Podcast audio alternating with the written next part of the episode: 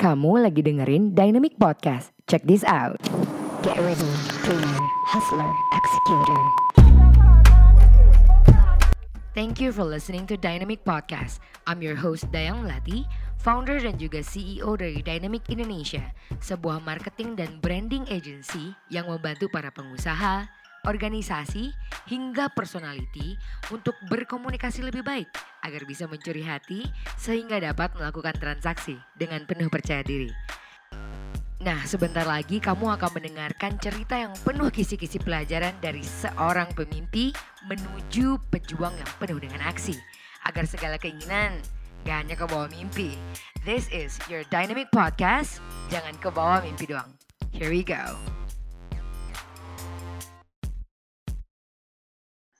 Hi, welcome back, people. This is Dynamic Podcast with your host Dayang Melati, and today I have a very special guest, uh, brand aktivis kepala suku yang kayaknya cocok banget buat ngomongin ngomongin topik ini, which is we are going to talk about community marketing di 2021. Apa kabar, Bang Arto?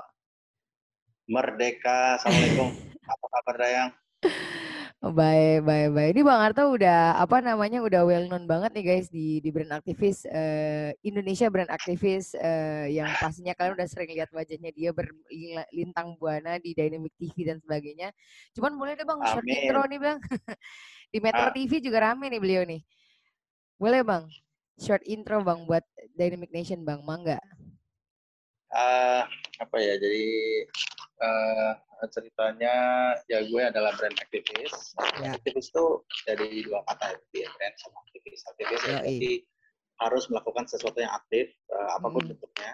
Eh, Mm. Jadi nggak hanya berteori tapi juga melakukan sesuatu yang sifatnya inisiatif-inisiatif. So as aktivis eh, banyak banget kerjaannya kayak bikin podcast kayak gini nih udah udah bagian dari aktivis kan. Eh, Beuh.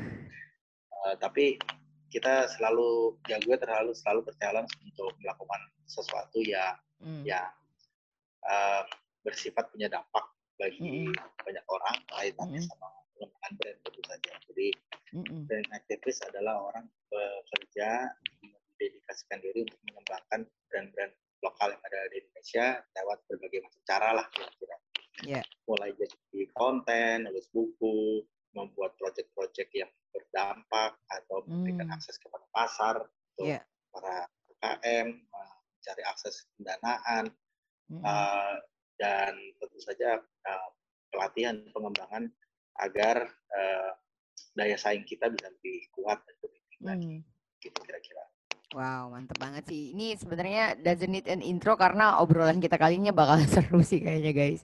But eh, em, apa tuh namanya? Aku yang pengen aku iniin thank you banget ya Bang Arto ya udah nyempetin waktunya di tengah-tengah kesibukan.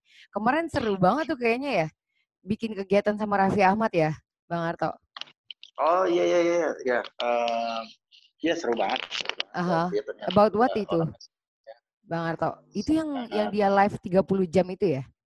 Itu bukan sih? Oh bukan bukan bukan bukan. Uh, Oke. jadi yang jadi pokoknya intinya itu eh, beberapa ini sudah sudah tahun lalu sih sebenarnya inisiatifnya eh, Heeh. Raffi kontak kontak gue gitu Heeh. untuk eh, kolaborasi untuk bantu UMKM eh, naik kelas lah itu istilahnya. Iya, iya. gitu.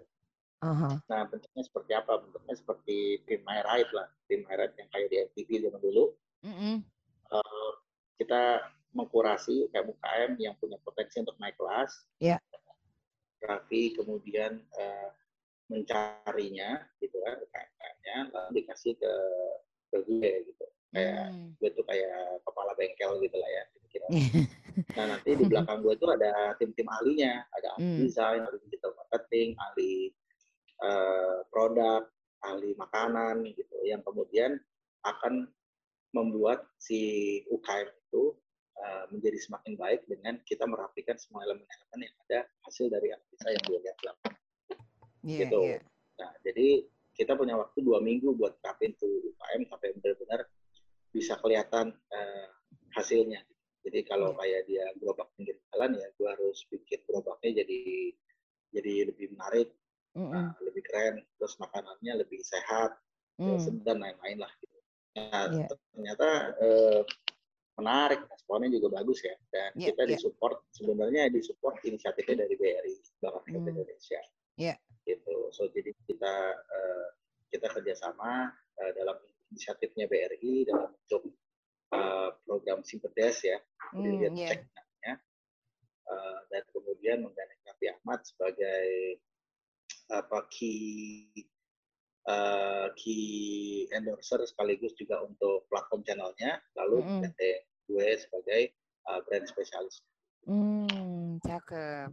Well, ini kan kita udah banyak banget sekarang yang yang ngobrolin lokal brand dan segala macam ya, Bang Arto ya. Iya, iya, keren, keren. Um, and I think uh, inisiatifnya lumayan lumayan cukup gede gitu, uh, baik dari komunitas kita dari brand aktivis uh, Indonesia brand aktivis ataupun uh, banyak-banyak banget nih kayak suhu-suhu yang turun gunung gitu kan istilahnya.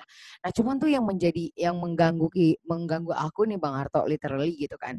Ketika masuk ke ranah aplikasi gitu, uh, masuk ke ranah mengimplementasikan strategi-strategi tersebut nih ya sebelum kita going into like how uh, Indonesia dan komunit uh, ko- apa strategi community marketing gitu. Kalau menurut Bang Arto sendiri nih, apa sih kesalahan lumrah ataupun kesalahan yang tidak kita sadari mungkin ya dari para pelaku brand lokal yang mereka dapatkan ketika knowledge tentang branding, marketing secara digital itu sudah mereka ketahui, Bang Arto? Eh, sebenarnya nggak ada yang salah sih, cuman permasalahannya market kita itu sangat itu sangat po- pola volatilitasnya ya bahasa Inggris. Mm-mm. Volatility-nya tuh Mm-mm. naik turun kan, karakter berubah setiap saat. Eh, tren tuh udah nggak bisa lagi lima tahun gitu, mungkin dua Mm-mm. tahun udah harus berubah. Kalau kita punya kafe, dulu kafenya kayak begini, dua tahun Mm-mm. lagi kita harus ubah lagi. Mm-mm. Nah, eh, problem terbesarnya adalah karena eh, kita banyak sekali para entrepreneur kita itu fokusnya ada di di balik dapur atau di belakang dapur atau di belakang meja kerja Hmm. eh, tanpa sebenarnya berinteraksi langsung dengan si target pasarnya. Nah, target Hmm. pasarnya ini udah udah lari ke mana ke mana ke mana gitu karena mereka Mm, kan mm, mm. makhluk hidup yang Iya. pada dasarnya nggak bisa stick di satu titik. Consumer behavior-nya berubah. Pandemi mengubah cara pandang orang untuk Betul. bekerja, untuk berbisnis, untuk Mhm. berinvestasi dan lain-lain. Nah, kita itu harus punya kemampuan untuk bisa melihat proses itu. Nah, kalau Hmm. skala yang kita lihat itu seluruh Indonesia, maka Mm, kalau kita nggak punya cukup manpower, woman power, eh, pasukan yang membantu mengelola itu, ya kayak buang garam ke laut kan. Iya. Pasarnya luas, tapi orangnya cuma dua tiga orang atau 10 orang. Wow. Pokoknya lebih besar, lebih besar daripada daripada yang harus kita sediakan. Mm. Nah, jadi kadang-kadang kesalahan-kesalahan itu terjadi dengan uh, pola pikir-pola pikir yang yang yang sebenarnya uh, hal-hal paling dasar kayak kesiapan organisasi, kesiapan modal, kesiapan infrastruktur kita itu nggak didukung dengan apa yang mau kita kejar atau sebaliknya ya. Itu sehingga Hmm. banyak yang kemudian jalan di tempat atau bahkan gagal dan uh, bahkan kemudian uh, baru sampai sebatas ide aja gitu. Iya, iya, iya. yang, yang yang kedua yang tadi itu, yang keta- Mm. kedua yang tadi ya apa kemampuan untuk melihat kebutuhan-kebutuhan itu eh, apa namanya sering kali kelewat karena kita sibuk ada di di back end dari eh, unit produksi kita. Gitu. Oke. Meskipun demikian satu dan dua hal itu aja kalau kita jalankan benar pun masih ada resiko-resiko lain gitu, Iya. yang bisa terjadi. Nah, Hmm. Sehingga hari ini eh, benar-benar bicara kewirausahaan dalam kaitan dengan marketing, manajemen, keuangan dan lain-lain itu sangat-sangat eh, eh, maraton gitu, Mm, mm, sangat-sangat maraton. Jadi kalau eh, lu bikin usaha nih hari ini, mm, mm, nah, dan semua yang dengerin hari ini bisa mm, bisa menjadi simple apa ya, simple analis ya. mm, Kalau lu bikin usaha hari ini besoknya langsung booming, mm. itu kemungkinan besar tahun berikutnya nggak akan booming lagi. Iya, betul. Gitu. Oke. Eh, justru kalau sekarang kita bangun brand, Mm, konteksnya tuh dia harus bertahap prosesnya. mm, mm. Terkenalnya juga bertahap. Iya. Oh, terkenal di RT, nanti dari RT atau skala yang kecil terkenal di kampus gitu kan, Mm, Nah, atau terkenal di lingkungan pengajian atau apa pun lah gitu. Terus pelan-pelan jadi gede, jadi gede, jadi gede sampai akhirnya besar. Tapi kalau Mm-mm. kita udah mulai besar, Iya. uh, itu akan sulit buat kita untuk bisa maintain dalam yang sama. Oke, berarti kalau Bang Arto lihat uh, obrolan tadi pertama adalah kita tidak adaptable terhadap tren karena tren di Indonesia tuh sekarang udah sangat volatile dan cepat sekali berubah gitu kan ya. Uh, Ya. kita lagi seminar ini nih, padahal sekarang di market udah udah seminar A, ternyata di market udah seminar B gitu. Eh, Padahal di market udah tren B gitu ya Bang Arto ya. Iya betul. betul. Terus yang kedua yang aku juga setuju sama Bang Arto tadi adalah em, apa tuh tadi eh, Bang Arto tuh ngomong yang masalah bertahap. Nah itu bagi gimana ya Bang Arto ya? Amin kita kan nggak bisa ngerubah orang untuk paham dan mengerti bahwa mengikuti keinginan kita untuk passion dalam membuat brand gitu kan. Ada nggak sih Bang yang eh, untuk lokal brand gitu kan, yang baru mau mulai gitu istilahnya ataupun yang middle up yang udah satu tahun, you know omset yang masih di bawah 500 juta itu apa sih yang bisa diukur oleh mereka untuk indikasi sukses eh, brandnya mereka itu apa bang? Oke, pertama kita harus bedain dulu ya antara bisnis dengan brand ya. Kalau Ya, wow, bisnis wow. kan adalah industrinya nih. Ah oke eh, oke. Brand itu kan adalah seni menciptakan persepsi. The art of creating perception. So, brand itu disiplin ilmu. Nah, disiplin ilmu itu bisa ditempel di mana-mana. Kalau kita punya sekolahan, kita Hmm. pakai pendekatan brand.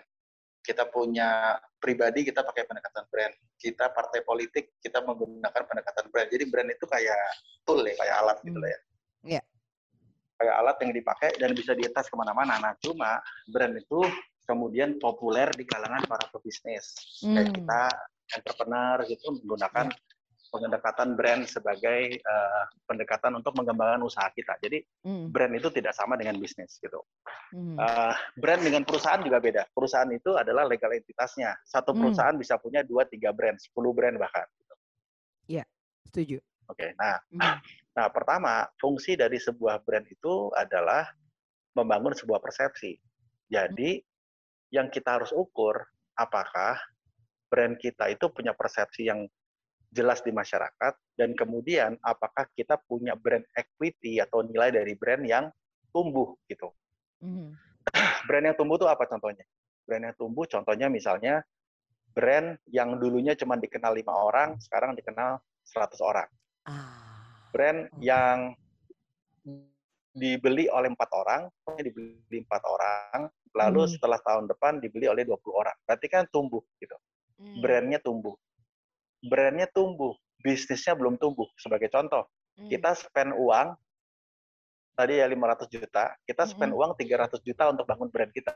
mm, Brandnya Ya. dikenal orang, tapi bisnisnya belum untung, mm, ya kan? Ya. Karena uangnya dipakai untuk ngembangin brand. Tapi Betul. setelah brandnya dikenal, pelan-pelan bisnisnya mulai naik, mm, gitu. Ya. Nah, mhm, jadi konteks brand dalam skala mikro misalnya sebenarnya nggak beda-beda jauh. Kita harus bisa mengukur apakah brand kita itu ekuitasnya lama-lama naik.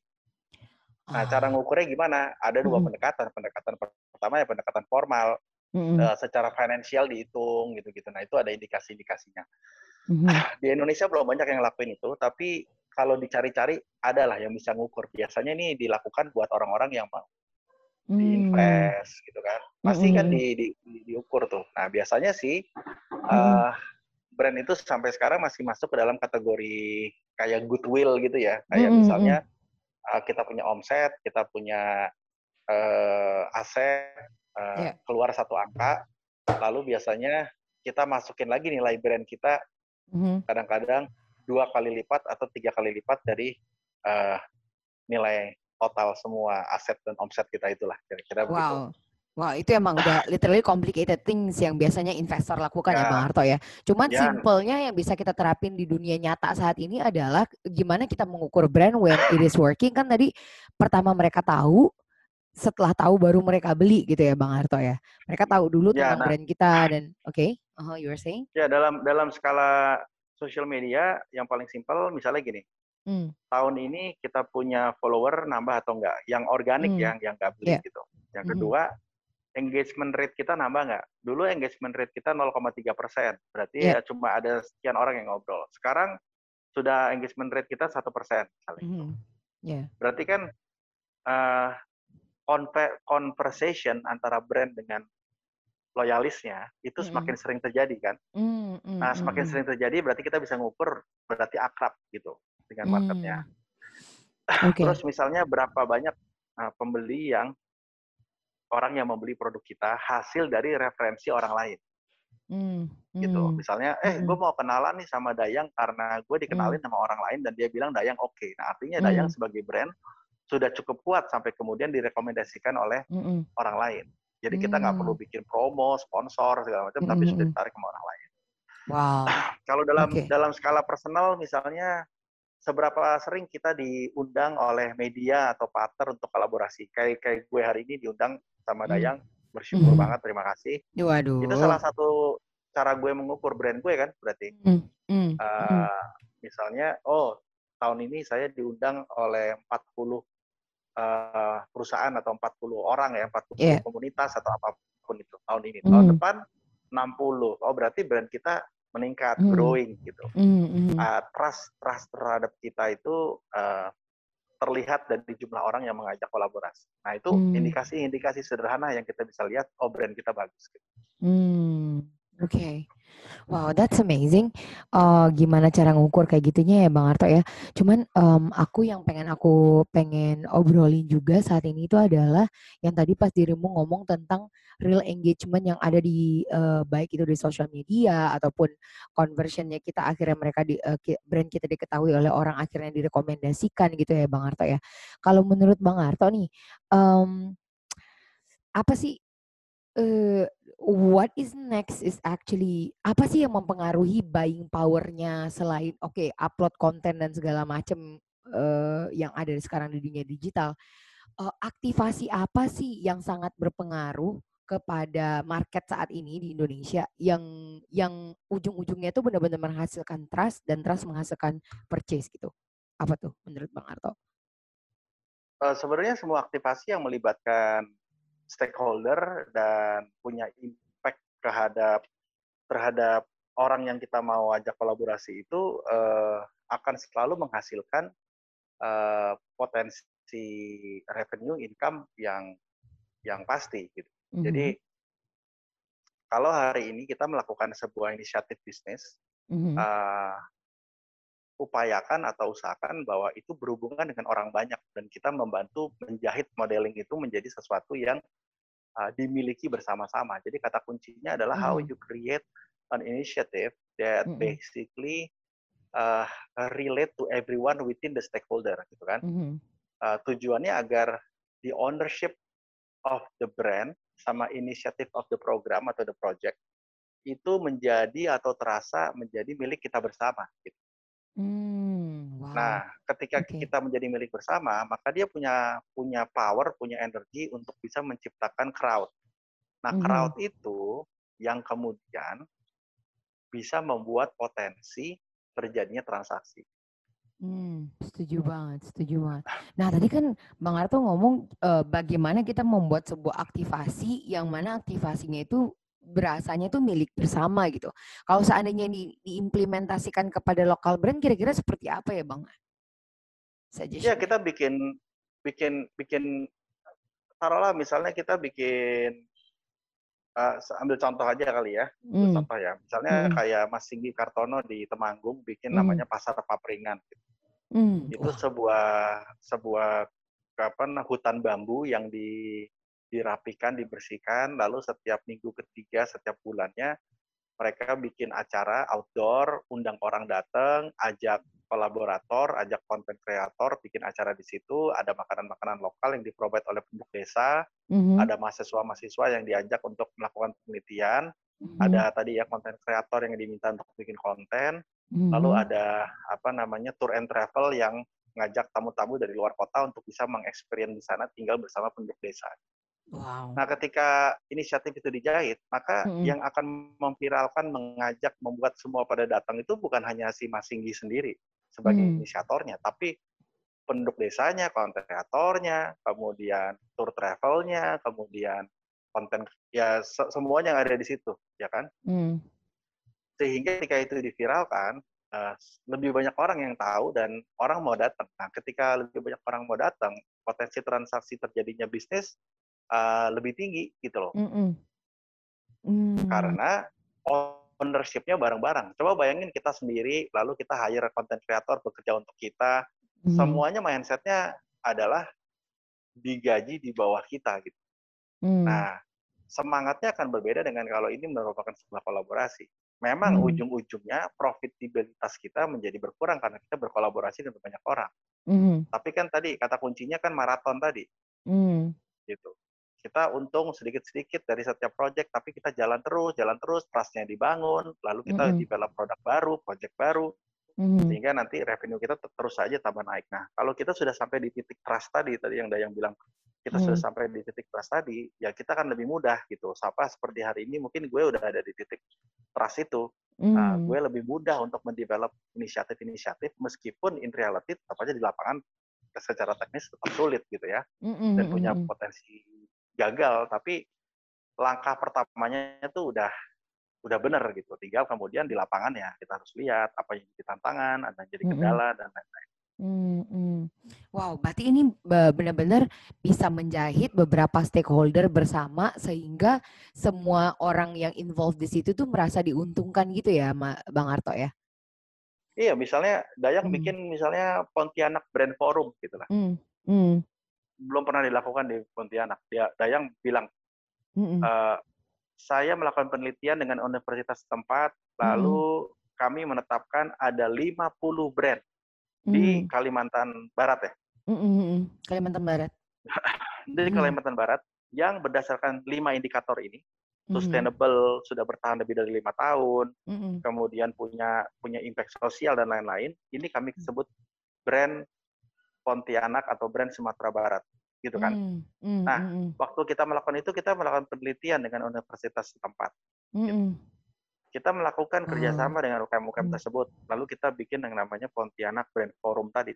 Hmm, kita undanglah brand-brand dari Malaysia mungkin datang untuk ngomong dan segala macam hmm, Nah, terus mulai mulai dananya dari mana, Mas? Oh, kita bikin inisiatifnya dulu, bikin idenya dulu. Begitu idenya jadi, kita bawa ke Mm-mm. pemerintah lokal misalnya. Hmm, hmm, Lalu nanti pemerintah lokal akan juga diuntungkan karena mereka punya portfolio dan mereka punya impact juga kan. hmm, hmm, Tapi betul. belum tentu pemerintah lokal punya uangnya. Nah, nanti pemerintah Hmm. lokal kenalin kita ke perusahaan-perusahaan yang ada di Kalimantan Barat, perusahaan-perusahaan nasional yang ada di Kalimantan Barat untuk ikutan bantu dan support kita. Gitu. Hmm, wow, that's how it Kita works. kira ya. Nah, Iya, ketika iya, itu iya. works, pemerintahnya bantu viralin, perusahaannya tahu apa Chevron atau Pertamina atau apa pun ya sawit ya, apa pun yang ada di sana, dia akan support viralkan. Heeh. UKM-nya kita yang terpilih juga akan memviralkan, universitasnya juga ikut viralkan, Mhm. kitanya otomatis viralkan. Jadi udah otomatis Hmm. 6 7 entitas yang sudah memviralkan. So, ketika inisiatif ini dijalankan, eh, masing-masing dari entitas-entitas itu, itu stakeholder itu juga punya aset-aset. Mhm, Pemerintah daerah punya aset wartawan lokal gitu kan. Mhm, mhm, Terus perusahaan yang ada di sana yang internasional punya aset ke internasional. mhm. Jadi punya Instagram juga sendiri. Jadi ketika Mm-mm. mereka memviralkan semuanya akhirnya jadi lebih kelihatan, lebih terasa Iya, iya, iya. Gitu. Nah, di- semuanya harus dimulai dengan apakah kita bisa memahami adanya kebutuhan itu. Hmm. Misalnya gini, eh, bikin Pontianak Brand Forum itu ada kebutuhan nggak? Gitu. Ya, apa Dari manfaatnya? sendiri, Mhm. nah, kita merasakan manfaatnya apa? Oh ya, kembali lagi kan kons- konsep brand, Hmm. bicara sustainability, punya punya impact dan lain-lain. Jadi Mhm. kayaknya Kalimantan Barat perlu nih punya brand-brand yang diangkat sehingga anak-anak muda di sini bangga sama brand lokalnya. Apa pun itulah kajian yang ada di kepala kita, kita Mhm. bikin lalu kita bikin inisiatifnya gitu. Hmm. Nah, kalau Oke. ternyata Kalimantan Baratnya misalnya pemerintahnya uh, belum sepakat, kita kecilin gitu. Mhm. Mungkin kota Pontianak, kota Pontianak nggak kita nggak mampu kecilin lagi, kecamatan gitu, Hmm, hmm, hmm, hmm, sampai hmm. kelurahan, sampai desa. Nah, Mas Singgih itu mau Mhm. mulainya dalam skala desa. Wow. Berarti dari kepala Dari desanya kepala dulu desa. gitu ya, Bang Arto ya? mulai dari kepala desa. Kayak kita sekarang lagi mendevelop satu Hmm. kawasan juga di di daerah Magelang namanya eh, Nepal Vanjava, eh, Mm-mm. namanya Dusun Butuh. Mhm. Nah, sama itu skalanya skala dusun gitu. Nah, kita suka sih yang skala-skala kayak gitu karena uh, impact-nya bisa kelihatan dan hasilnya bisa kelihatan dalam waktu yang lebih cepat dibandingkan kita Mm-mm. membangun skala kota gitu ya. Hmm. Oh, oke. Wow. Em, tak ini oke. Aku terpesona banget nih ternyata seperti itu dinamika yang terjadi nggak literally hanya plek-plek eh, dengan membuat komunitas ya Bang Arto ya. Tapi kalau aku pengen tarik lagi benang merahnya ke belakang gitu kan. eh, hal kayak gini tuh bisa pertama udah bikin kolam terus habis itu mereka emang udah percaya stakeholder stakeholder brand-brandnya pun menjadi kuat. Nah, kalau seandainya nih kendala yang ditemukan oleh eh, brand-brand lokal yang ada di bawah ketika mereka ingin memulai melakukan aktivasi seperti ini dengan berkolaborasi, kebanyakan kesusahan dengan em, I mean like mereka pengen berkolaborasi dengan yang lebih besar dari mereka, tapi em, kayaknya tendensi untuk untuk berkolaborasinya itu tuh masih kurang gitu loh Bang Arto. So if you, what do you think? Hmm. Is there any other choices Now- atau other sample gitu? Now, now, now you know how important you are, right? Ya kan? Oke. Now you know how important is the, activist, right? How Iya. the, the important of the activist to fill the gap yang tadi dibilang sama Dayang gitu. Mm, mm, mm. Semua brand-brand kecil itu nanya, bagaimana caranya saya bisa berkolaborasi sama yang besar ya? Mm, mm. Saya mau ngerjain sendiri, tapi saya harus masak, saya harus beli bahan, saya harus bayar gaji, nggak ada Hmm. waktu. Mm, Siapa yang bisa ngerjain itu? Yang besar juga sama. Kita punya duit, kita mau bantu, tapi konsepnya apa dulu? Saya nggak mau naruh duit se-M, 2M, 3M, ratusan juta, nggak jelas. Lalu kucuk-kucuk datanglah si aktivis ini nih. Mm. Dia yang menjahit semua kepentingan-kepentingan itu gitu. So that's why that's why it's important we have enabler gitu kan. Enabler yang ada di tengah untuk bisa memastikan bahwa terjadi kerjasama itu karena tidak semua uh, sistem yang ada di republik ini itu sudah tersusun secara proper gitu. Yeah. Maka butuh orang-orang yang mampu masuk untuk membantu memberikan solusi baik kepada pemerintah uh, dengan semangat gitu kan, dengan semangat membuat tadi kalimatnya Indonesia yang lebih baik gitu. Bahwa di dalamnya ada duitnya ya udah pasti ada duitnya lah. Tapi kita kan masuknya bukan karena nyari duitnya, tapi kita masuk Mm-mm. karena I can solve this problem. So when you start solving the problem, then the money will come in juga sama aja gitu. Hmm, Oke, itu kan in the context yang yang yang lum- lumayan dalam skala yang lumayan besar gitu ya Bang Arto ya. So let's say if ah, ini nih para pendengar kita ini sekarang nih, oke kalau seandainya kan sekarang i- beside of eh, beside of influencer marketing juga sangat-sangat digalakkan ya, digalakkan untuk membuat sebuah komunitas gitu kan istilahnya for the brand itself gitu. Dan kebanyakan eh, masih bingung, oh gimana ya kalau gue bikin komunitas untuk brand gue gitu istilahnya. Kalau seandainya si enabler ini itu aku nangkepnya itu seakan-akan it it functions to to to apa namanya to co to connect the the the biggest brand with small brand.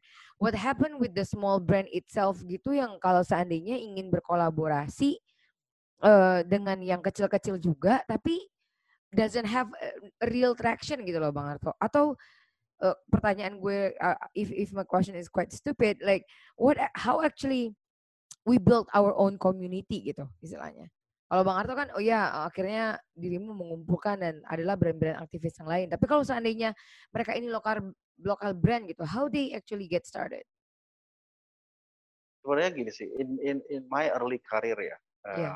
uh, gue tuh ketemu sama banyak orang uh, Mhm. untuk kerjasama.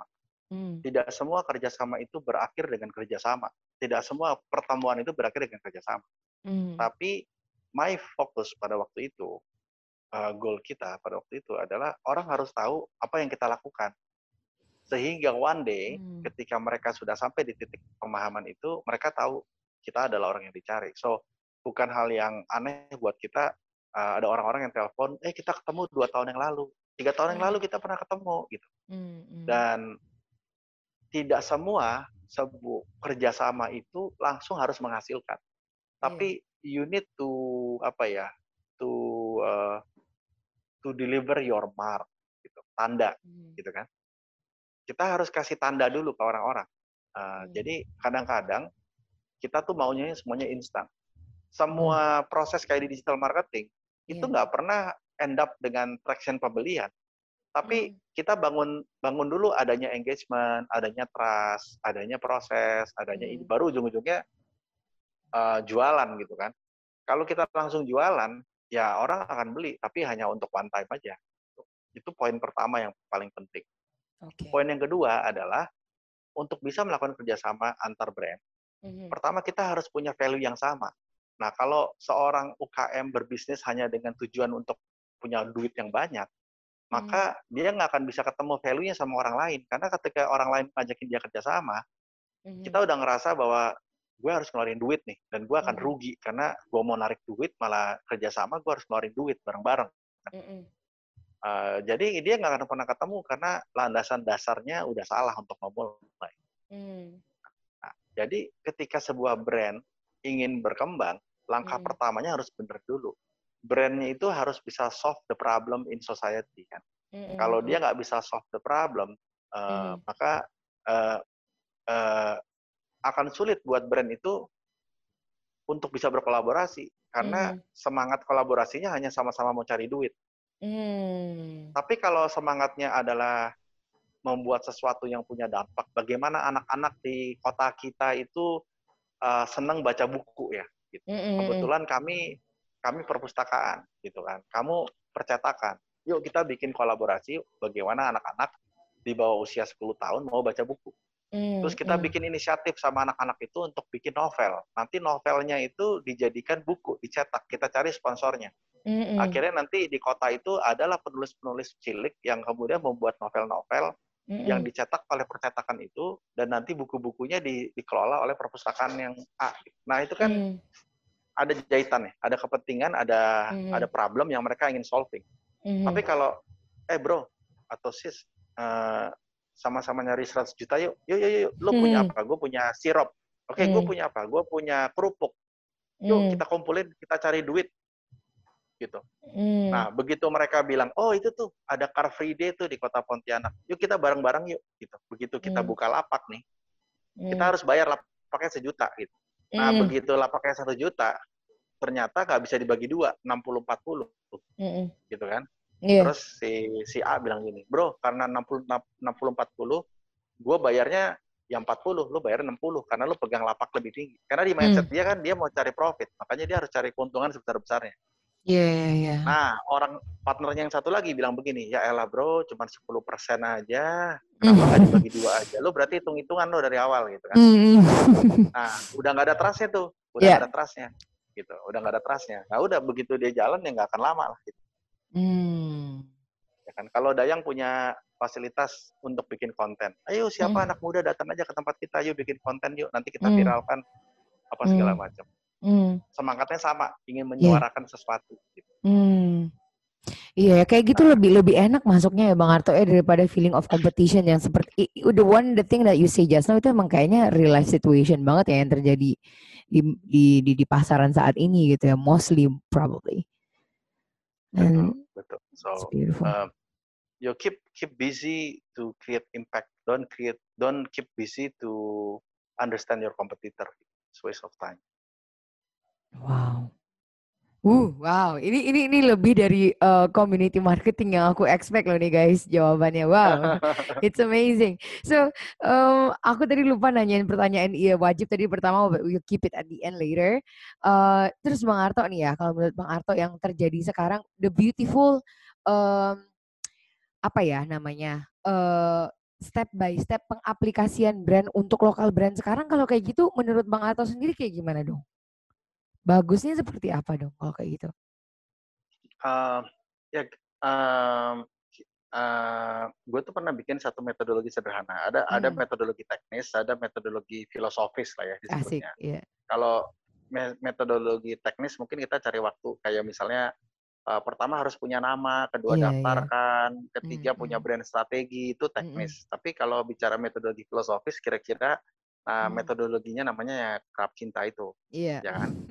Nah, kerap cinta Hmm. itu kan mulai dari kenal rasa paham cinta. Jadi eh, cinta itu udah orang akan melakukan segala-galanya karena dia cinta. Mau dia beli, dia mendefend kita, dia Mm-mm. membantu kita, mendorong kita itu udah di level cinta.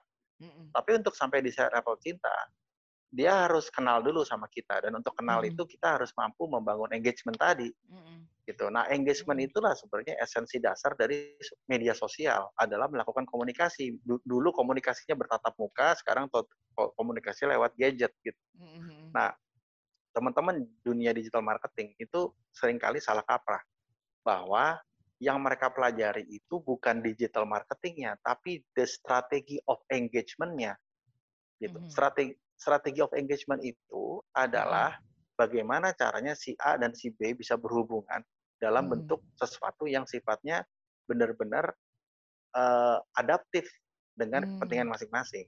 Mhm. Nah, kalau kita belajar st- eh, marketing strateginya, Mhm. marketing strategi eh, digital marketingnya itu sebenarnya adalah tool, alat doang, alat yang Hmm. menghubungkan antara A sama B. Mhm. Nah, tapi kalau kita nggak paham A, kita nggak paham B, Mhm. digital marketing jadi sia-sia. Sama kayak gue mau minta nyokap gue untuk eh, belanja di supermarket gitu kan. Berarti Mm. nyokap tuh A, supermarket B. Gitu. Hmm. Terus gue kasih lah tuh solusinya Mhm. yang belum tentu relevan buat nyokap, yaitu gue kirim motor buat jemput dia gitu dan dia nggak mau naik motor. Iya, iya, iya. Nah, digital marketing itu kira-kira kayak gitu. Jadi nggak semua digital marketer itu juga bisa mengaplikasikan skill itu ke market ke marketnya juga. Mhm. karena nggak orang-orang yang menggunakan digital marketing juga beda-beda. Kayak gue di Instagram, tujuan gue mengkomunikasikan apa yang gue lakukan di Instagram berbeda dengan orang yang melakukan komunikasi di Instagram. Ada yang Hmm. tujuannya masuk Instagram untuk bisa jualan. Ada Hmm. yang masuk ke Instagram dengan tujuan sebagai foto album.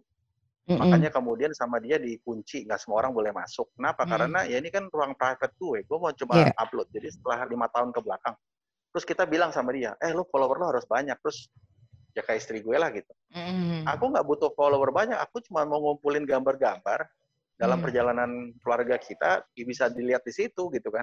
Hmm. Dia nggak perlu follower lah. Ngapain ada follower gitu. Nah jadi Mhm. setiap orang lalu menggunakan media sosial itu untuk kepentingan yang berbeda-beda. Ada yang memang Hmm. tujuannya buat jualan. Mhm. Ada yang tujuannya buat lebih populer. Ada yang Hmm. tujuannya untuk memberikan inspirasi. Mhm. Wow. Nggak, nggak, nggak necessary populer, tapi dia ingin kasih inspirasi ke orang-orang. Jadi kalau ada seribu orang follower, dia udah seneng banget gitu. Tapi ada Mhm. orang yang seribu tuh nggak cukup. Dia maunya seratus ribu. Tapi dia Mhm. nggak tahu caranya dapetin seratus ribu follower gimana. Dia pikir dengan naruh foto gambar mukanya dia doang, dia akan dapat seratus ribu follower kan gitu. Mhm.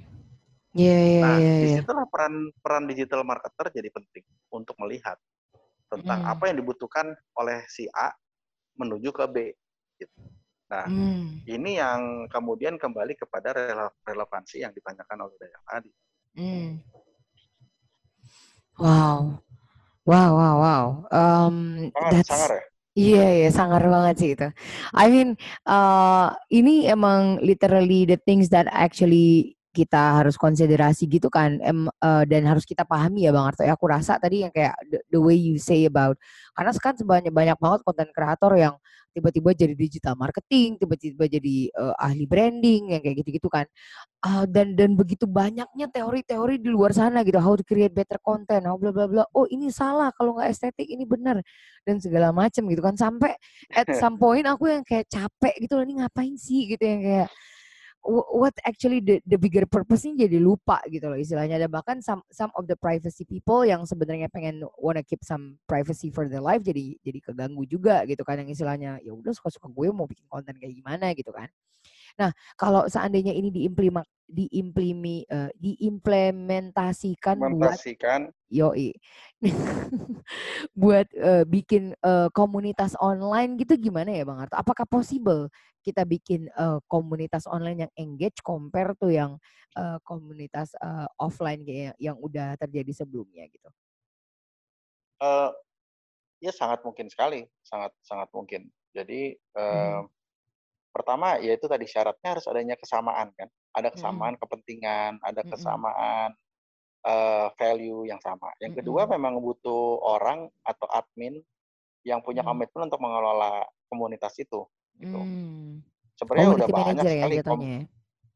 ya komunitas eh, yang yang memang dibangun secara online gitu kan. Mhm. Eh, mungkin masih banyak komunitas yang selama ini nggak apa namanya nggak pernah ketemu emang dibangun secara online kayak Hmm. Kaskus zaman dulu kan juga komunitasnya kan juga online Hmm. semua. Mm-mm. Tapi manusia kan punya behavior. Behaviornya Mm-mm. adalah ketemu karena kita mau ngeliat. Jadi Mm. makanya lah keluar istilah kopi darat, kopi darat gitu. Mm-mm. Karena memang pada akhirnya harus ketemu. Iya. Jadi kalau bicara dari sisi online as a teknologinya, sekali lagi dia kan cuma tool. Cuman Mm-mm. tools yang menghubungkan antara A dengan B. Iya. Ya kan dalam bentuk online. Mm-mm. Nah, eh, lalu ada kopi darat. Kopi darat juga tools gitu. Pertemuan Mm-mm. itu tools. Nah, Mm-mm. eh, mana yang harus dipakai ya dua-duanya kita pakai lah karena kan dua-duanya tools yang bagus untuk menghubungkan A dengan B. Kalau Mm. ada pilihan C ya kita juga pakai C. gitu. Intinya kan sebenarnya itu. Nah, Mm. dalam contoh yang tadi kita tuh nanti kadang-kadang yang tadi dibilang kelibet sama sama Dayang bilang malah fokus ke tempat lain, eh Mm-mm. kita malah ngomongin makanannya gitu. Makanan di Mm. tempat kita mau makan pada saat kita kopi darat. Lalu kita Mm-mm. argue di situ, belajar di situ. Padahal esensi yang paling benernya adalah pertemuan itu sendiri, ya kan? Mm-mm. Itu sama dengan how we look at digital marketing today. We focusing Mm. on digital marketingnya so much Mm-mm. tanpa understanding about the behavior dan the character of A dan B gitu. Mm, mm-mm. Sehingga uh, a lot of digital marketer yang kemudian nggak relevan dengan apa yang mereka samping, sampaikan dengan that particular market karena digital marketer itu belajar dari teori-teori yang mereka lihat dari case-case tadi yang berbeda dengan apa yang mereka aplikasikan. Mm-mm. Wow. That that's a dis- disaster ya. Makanya itu konfliktif banget ya Bang Ato yang kayak yang em, ujung-ujungnya mungkin yang aku bikin yang bikin aku sedih itu adalah ketika eh, yang diterima oleh teman-teman brand lokal dan, dan brand owner gitu kan istilahnya oh atau bahkan para pebisnis gitu kan. Yang kayak ya udah udah gue bingung kayak yang kayak gitu-gitu. Jadi ujungnya mereka doesn't believe in that anymore udahlah jualan-jualan aja gitu kan akhirnya gitu. And keep end up blaming uh, digital activation at the end gitu istilahnya. But anyway, Iya, betul. uh, so uh, nggak kerasa ya ini Bang Arto. I think uh, ini kalau di diobrolin lama nih bakal tambah berat nih kayaknya obrolan kita nih. So um, uh, I would like to ask your advice gitu. Uh, menurut Bang Arto, bukan advice juga sih, opini Bang, Ar- Bang Arto. Menurut Bang Arto, strategi efektif untuk um, digital activation untuk brand lokal saat ini tuh kalau dimention tiga apa aja tuh Bang Arto? Wah, apa ya? Eh, tiga strategi untuk digital activation. I don't know. You're a digital marketer. Eh, apa ya? Mungkin gini sih. eh, I, I only can give you a example. Eh, Hmm. kayak, kayak kemarin tuh, nanti contohin. Hmm, Eh, gue tuh kemarin nulis buku kan. Judul Mm-mm. judul bukunya tuh namanya apa? hmm. Hmm, So it's a book about how to understand uh, uh, the concept of brand naming. Oh, oke. ya how to create brand naming dan ketika ngomong brand naming kayaknya menarik ya kan setiap orang harus punya nama brand ya Iya. kayak dynamic gitu kan itu kan itu name of the brand dan uh, kita bisa ganti strategi marketing kita bisa ganti strategi penjualan at any time sesuai dengan kondisi zaman betul dong Iya. Karena pandemi kita ganti strategi segala. Tapi kan nama nggak bisa diganti ya. Mau Iya. mau pandemi nggak pandemi you cannot change the brand name kan? Gitu. so I think I think brand name menjadi menarik. Uh, untuk dijadikan topik untuk didiskusikan. So I post uh, uh, uh, inisiatif di digital. Aku Mhm. bilang gini teman-teman UKM yang follow gue gitu. Iya. boleh nggak bantuin gue kasih nama-nama brand kalian dan gue mau pakai nama-nama kalian itu sebagai cover dari buku gue nanti gitu. dan nanti Oh. buku itu akan gue gue tawarin ke banyak orang jadi orang-orang akan lihat nama-nama nama-nama brand kalian di cover buku itu gitu Ah, so you check you check on my uh, Instagram so I Hmm. think at that time lebih dari 347 brand kali ya oh yang daftar gitu. Uh, dan kita aplikasikan uh, brand itu. Nah, ketika bukunya sudah jadi prototipe-nya, ah. I I share again ke mereka, hey guys, uh, buku yang kemarin gue inisiasikan sudah jadi dan thanks to you guys yang sudah masukin nama-nama di DM gue gitu. Ah. Otomatis DM gue tambah banyak karena semua orang masukin nama. Eh bukan Iya. DM, otomatis di IG gue uh, tambah banyak karena orang-orang kemudian pada pada nge pada nge-reply ya kan. Mm-mm. Terus gue jawab, terjadilah conver- uh, dan itu ber- berlangsung selama campaign ini berjalan. Wow. So there is a simple activation yang gue coba lakukan dengan Mhm. menginvolve lebih banyak orang, take the people toward the initiative, Iya. uh, uh, ajak mereka untuk menjadi part of this initiative. Padahal gue bisa aja bikin desain buku sendiri sih. Iya, iya. Orang gue desainer, gue bikin aja buku sendiri yang keren terus gue post. Tapi nanti yang yang nge-push ya gue sendiri, yang dorong ya gue sendiri gitu kan. Mm. Uh, so I think the key of those uh, apa ya uh, digital marketing initiative uh, strategi tadi itu nomor satu emang yang paling filosofi filosofikalnya adalah kita harus involve lebih banyak orang dalam inisiatif itu. Nah, untuk bisa membuat lebih banyak orang involve dalam inisiatif itu, inisiatifnya juga harus keren Mm. sehingga semua orang pada mau ikutan. Hmm, ya ya ya ya. So it's actually ma- making initiative balik lagi tadi yang ke poin lu yang pertama ya Bang ya make make so many people involved gitu ya istilahnya ya in your activity gitu. Betul. So, so Oke. kalau misalnya ya tip-tipsnya salah satunya your initiative itu harus involve a lot of people juga. Anything Hmm. yang you involve a lot of people pasti akan menarik. Nah, kadang-kadang kita cuma mau berhenti di quiz ya kan. Kita bikin Mm-mm. kuis, suruh nebak, nanti hadiahnya ini. Pasti banyak tuh yang jawab, Mm-mm. ya kan? Tapi ya Iya. karena sifatnya teknikal. Wow. That's really nice. Thank you banget ya Bang Arto ya waktunya. I think nih kayaknya udah ditarik-tarik sama Mbak, Li- Mbak Lia kayaknya ya. Sama-sama Cinta. Eh, salam untuk tim yang ada di sana, Bang Arto. Thank you banget waktunya. Eh, thank you banget buat ide-idenya. Boleh dong Bang Arto closing statement nih untuk eh, brand-brand lokal yang ada di seluruh Indonesia, Bang Arto. Silahkan. Iya. Eh, jadi teman-teman brand lokal harus paham bahwa eh, kehadiran kita itu impact eh, over 60% of our eh, country revenues gitu ya. Hmm, wow. Kita. 90% lapangan pekerjaan itu dihasilkan oleh eh, brand-brand lokal kita, Wow. nah, small medium enterprises. Jadi kita harus sadar bahwa posisi kita sangat strategis dan justru karena kita strategis lah kita harus bisa bertanggung jawab. Kita memang Hmm. kecil-kecil, tapi jumlah kita banyak. Iya. Banyak orang yang bergerak untuk bekerja sama dengan small medium enterprises, tapi jangan sampai hanya berhenti di eh, fase dapat uang, karena dapat Hmm. uang itu kayak in the business, dapetin uang itu kayak basic elementary skill gitu kan, bagaimana cara Hmm. menghasilkan uang. Mm-mm. Sama kayak agama mungkin eh, kalau muslim gimana caranya baca Al-Quran misalnya gitu lah ya. Iya. Eh, itu penting banget gitu. Tapi Mm. kemudian tahap berikutnya adalah bagaimana mengimplementasinya, bagaimana kemudian eh, membuat itu menjadi sesuatu yang Mm. yang apa yang bisa berdampak. Nah, Iya. eh, kita punya potensi dan kita punya tanggung jawab untuk melakukan itu.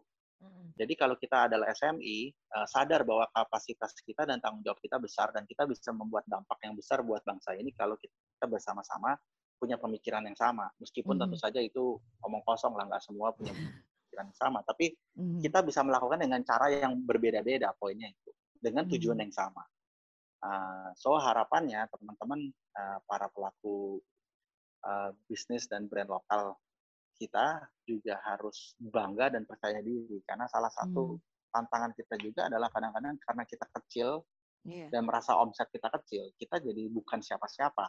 Wow. Itu kalau kita melihat bahwa batasan suksesnya diukur dari jumlah duit yang kita punya, Iya. ya kan? Mhm. Tapi kan setiap orang ada jalan hidupnya masing-masing. Kita mungkin Hmm. punya omset cuma 200 juta, tapi Hmm. kita bisa uh, menaik hajikan atau mengumrohkan satu karyawan kita Mm. atau dua orang karyawan kita dan itu sukses nggak? Ya sukses. Sukses Ada banget, iya. company yang punya omset miliaran, dia juga nggak melakukan apa-apa, cuma hmm. ngumpulin duit doang gitu. gitu. Nah ini yang yang mungkin pelan-pelan teman-teman bisa mulai berpikir tentang how small medium enterprises and brand lokal local brand itu Mhm. bisa solve lot of problem in our life justru karena Mhm. kita kecil dan kita bisa bergerak lebih cepat dibandingkan dengan the bigger corporation gitu. Nah the bigger corporation kalau udah paham itu pun justru juga mau bekerja sama dengan small small uh, medium size company juga karena dengan begitu kolaborasi menjadi lebih cepat dan membuat hal-hal yang dulunya butuh waktu lama menjadi lebih uh, lebih bermanfaat. Mm, mm, mm, mm. Kira-kira ya mudah-mudahan nggak kepanjangan Dayang. Aduh, mantap banget. Aku dengerinnya sampai kayak, ah iya, wow, it's amazing. Ini never ending talking lah kalau sama Bang Arto ini. Semoga dapat kesempatan lagi ya Bang Arto. Thank you banget selalu meng- berusaha untuk available nih untuk untuk Dynamic nih Bang Arto sharing-sharing di platform kita. Semoga ini bisa ngasih banyak impact ke teman-teman lokal brand yang di Pontianak dan seluruh Indonesia. Yay, itu Ya, sama-sama. aja. Dan juga untuk teman-teman semua yang sedang berpuasa, selamat menunaikan ibadah Hmm. puasa, lancar jaya sampai hari kemenangan, tetap Hmm. fokus, tetap sehat, dan eh, salam hormat untuk eh, keluarga di rumah. Iya, selamat puasa juga ya Bang Arto ya. Bye Bang Arto. Sampai jumpa. Assalamualaikum. Waalaikumsalam. Merdeka. Merdeka.